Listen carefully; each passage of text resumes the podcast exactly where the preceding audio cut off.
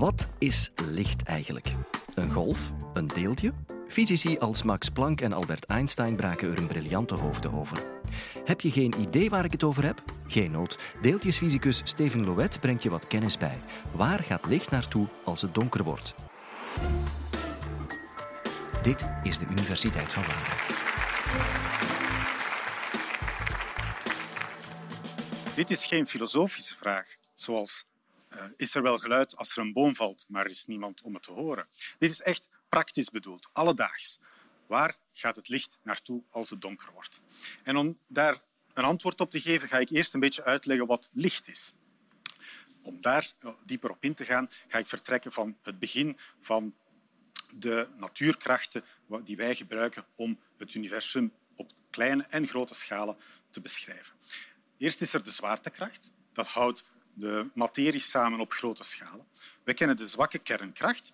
Die is nodig om te begrijpen hoe de zon brandt, bijvoorbeeld.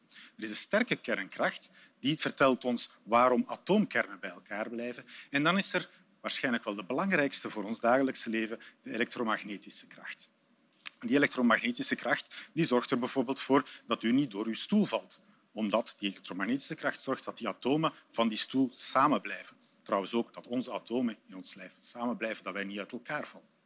Dus de elektromagnetische kracht is dominant in de domeinen van de chemie, de biologie en ook een groot stuk van de fysica. In ons dagelijkse leven is die overal. Goed, um, ik zeg kracht. Dat, wat is dat eigenlijk? Dat is iets dat moet overgebracht worden tussen materie. Uh, dat brengt ons bij elektromagnetische straling. En hier ziet u het elektromagnetisch spectrum, waar we het zichtbaar licht hebben aangeduid uh, in, in, het rood daar. En u ziet dat er nog andere soorten van elektromagnetische straling zijn. We kennen de radiogolven, microgolven, ultraviolet, röntgen enzovoort. Nu, u ziet dat we daar een, een, golf hebben bijgetekend en dat is de manier waarop wij elektromagnetische straling doorgaans gaan beschrijven. We hebben uh, een trilling doorheen de ruimte, zo plant die golf zich voort. Dat niet dat de lucht trilt, maar uh, die trilling die plant zich voort als een energie die, die, die voortgaat. En we zien dat de golflengte van die trilling uh, gemeten kan worden als de afstand tussen twee van de piekjes van de golf. Er is nog een andere karakteristiek van die golf die belangrijk is, en dat is hoe hoog het trilt. Dat noemen we de amplitude en dat gaat bepalen hoe sterk de straling is. Goed, u ziet dat we daar het zichtbaar licht hebben getoond. Dat is eigenlijk wat er gebeurt als we naar zonlicht kijken. Eh, dat bestaat uit alle soorten licht en dat weet u, want als we naar een regenboog kijken, dan zien we eigenlijk al die kleuren die, de zon uitzendt. En u ziet dat we, uh, als we dat bekijken in detail, ziet u dat we verschillende kleuren hebben. Die verschillende kleuren hebben een andere golflengte. We zien bij violet bijvoorbeeld dat er een korte golflengte is, een kleine afstand tussen de piekjes. Dat betekent dat er een snelle frequentie is van de trilling. En we zien bij rood licht dat die golflengte langer is. Er is dus een, tragere, een lagere frequentie, een tragere trilling. Goed, in de 19e eeuw was dat een beetje de manier waarop dat we licht begrepen. En we begrepen het eigenlijk heel goed. Om een voorbeeld te geven, gaan we een experimentje doen. Een elektromagnetische golf valt in op een plaat en in die plaat hebben we twee gaatjes gemaakt. In die twee gaatjes daar gaat het licht doorgaan en gaat golven maken achter de plaat en gaat op een scherm dat erachter wordt geplaatst een patroon teweegbrengen. U ziet dat er in eh, dat patroon lichtgevende streepjes zijn en donkere plaatsen. Wat gebeurt er hier? Als we denken vanuit een golf, is dat heel goed begrijpbaar. De golven die komen uit de twee uh, uh, gaatjes, gaan een andere afstand afleggen voor elk puntje op het scherm waar ze naartoe gaan. Sommige plaatsen gaan de piekjes van de golf samenkomen, daar versterken ze elkaar en zien we een sterk licht. Op andere plaatsen gaat er een piekje met een, met een dal samenkomen en gaan ze elkaar opheffen en blijft het donker. Dat is een, wat we een interferentiepatroon noemen, een zeer klassiek fenomeen in, uh, om te beschrijven met golven.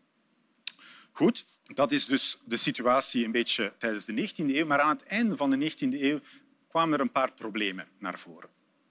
Ten eerste uh, waren er experimenten die begonnen te tonen dat, er, dat, dat de golf toch een beetje moeilijk was. Bijvoorbeeld, men nam twee platen en men probeerde daar elektrische uh, vonken tussen te maken. En men zag dat als men dat deed in de aanwezigheid van ultraviolet licht, dat dat gemakkelijker ging, dat er gemakkelijker vonken kwamen, alsof er elektronen vrijkwamen uit die platen door dat licht. Een ander probleem dat zich stelde was meer theoretisch van aard. Men probeerde te verklaren hoe de warmtestraling kon beschreven worden. Wat is warmtestraling? Wel, eigenlijk kent u dat allemaal. Als u een stuk metaal in het vuur legt en het vuur is warm genoeg, dan gaat dat beginnen gloeien. Eerst rood en als het warmer wordt, geel en uiteindelijk wit. Dat is uh, warmtestraling. En eigenlijk elk object, wij ook allemaal, wij stralen warmte uit in verschillende golflengten, typisch niet in het zichtbare licht. En om dat te beschrijven waren theoreten nogal uh, hard aan het werken om dat te proberen te doen met golven. En dat kan tot op zekere hoogte met golven. Alle lange golflengtes die worden uitgestraald, die konden goed beschreven worden, maar bij de korte golflengtes werkte het niet. Dat was een beetje een, een teken aan de wand. En uh, einde 19e eeuw is, uh, is daar een uh, oplossing gekomen door Max Planck. Max Planck die heeft begrepen dat we daar een verklaring aan kunnen geven als we licht niet beschouwen als een golf, maar als een stroom van energiepakketjes. En die energiepakketjes die hebben een energie die overeenkomt met de golflengte van het licht dat wordt uitgestuurd. Dus aan de hand van die pakketjes kunnen we het hele spectrum verklaren van die warmtestraling, lange golflengtes zowel als korte golflengtes. Dat was eigenlijk een heel revolutionair idee op dat moment. En dat was echt de start van de moderne fysica, van de kwantummechanica. Heel belangrijk moment in de fysica. En uh, die, die pakketjes energie, dat zijn eigenlijk onze lichtdeeltjes en dat noemen we nu fotonen. Goed, uh, kunnen we daar dan ook uh, mee misschien ons, onze vonk verklaren? Die vonk was eigenlijk een eerste teken van wat we nu noemen het fotoelektrisch effect. En daar ga ik nu even wat meer op ingaan. Goed, wat is dat fotoelektrisch effect? Ik ga eerst even inzoomen op de materie om dat beter te begrijpen. Materie bestaat uit atomen. Dat weten jullie allemaal nog wel van op de school. Atomen bestaan uit atoomkernen en rond die atoomkernen zoeven elektronen. Die atoomkernen zijn positief geladen, die elektronen zijn negatief geladen. En tegengestelde ladingen die trekken elkaar aan. Dus die atoomkernen en die elektronen die zijn graag dicht bij elkaar. Nu, om die elektronen vrij te krijgen, dat is wat we observeren met ons fotoelektrisch effect, moeten we energie stoppen in die elektronen. Kunnen we dat doen als we denken aan een golf? Ja, misschien wel. We kunnen denken zoals een schip dat op de golven gaat op de zee. Een, een kleine golf gaat dat schip niet veel doen. Een grote golf kan dat schip misschien doen kapseizen. Dus misschien dat met een klein beetje licht dat we niet veel elektronen kunnen vrijmaken, maar met heel intens licht dat we dat wel kunnen. Nu bleek uit experimenten dat dat helemaal niet zo werkt. Er is een bepaald soort licht waarmee we sowieso elektronen gaan zien vrijkomen, of zelfs als het zwak of sterk licht is. Er is evengoed een eh, ander soort licht waarbij helemaal niks vrijkomt, zelfs als we het heel intens maken. Om dat te begrijpen moeten we een paar jaar verder gaan met Albert Einstein, die probeert verder te bouwen op dat idee van energiepakketjes, waarbij licht wordt onderverdeeld in eh, pakketjes energie die zich voortplanten. En als we het op die manier bekijken, dan kunnen we dat wel begrijpen. Die energiepakketjes die hebben een uh, energie die overeenkomt met de frequentie van de straling. En een hoge frequentie heeft een hoge energie, een lage frequentie heeft een lage energie. En we gaan zien dat rood licht de frequentie uh, te laag zal zijn om elektronen vrij te maken. En met blauw licht gaat er wel fotoelektrisch effect optreden, dus elektronen die vrijkomen uit onze denkbeeldige plaat.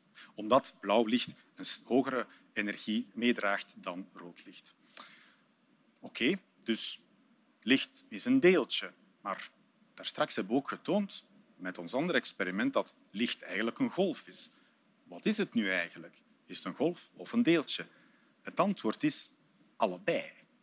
Het is niet tegen de intuïtie, maar de moderne fysica beschrijft licht als uh, zowel golf als deeltje. Dat is een fundamenteel gegeven in de kwantummechanica, waarbij we eigenlijk de basisvergelijking van de kwantummechanica wiskundig, die de deeltjes beschrijft, is eigenlijk een golfvergelijking.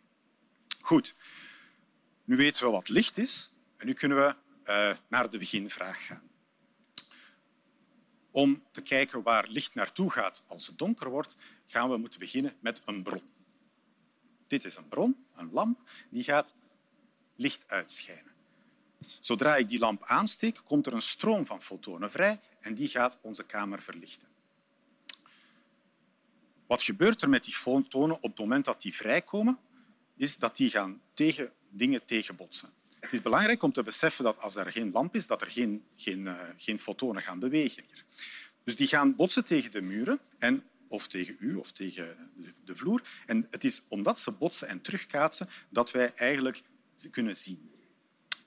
De mate waarin het teruggekaatst wordt, gaat bepalen bijvoorbeeld ook welke kleur wij zien. Sommige frequenties gaan misschien beter uh, weerkaatsen op het ene oppervlak dan op het andere en daardoor zien wij kleur.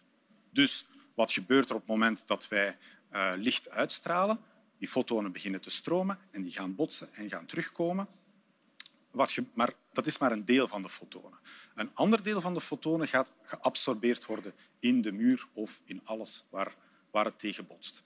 Hoe gebeurt die absorptie? Wel, misschien een deel gaat ook elektronen vrijmaken, zoals in dat fotoelektrisch effect dat we daar straks gezien hebben.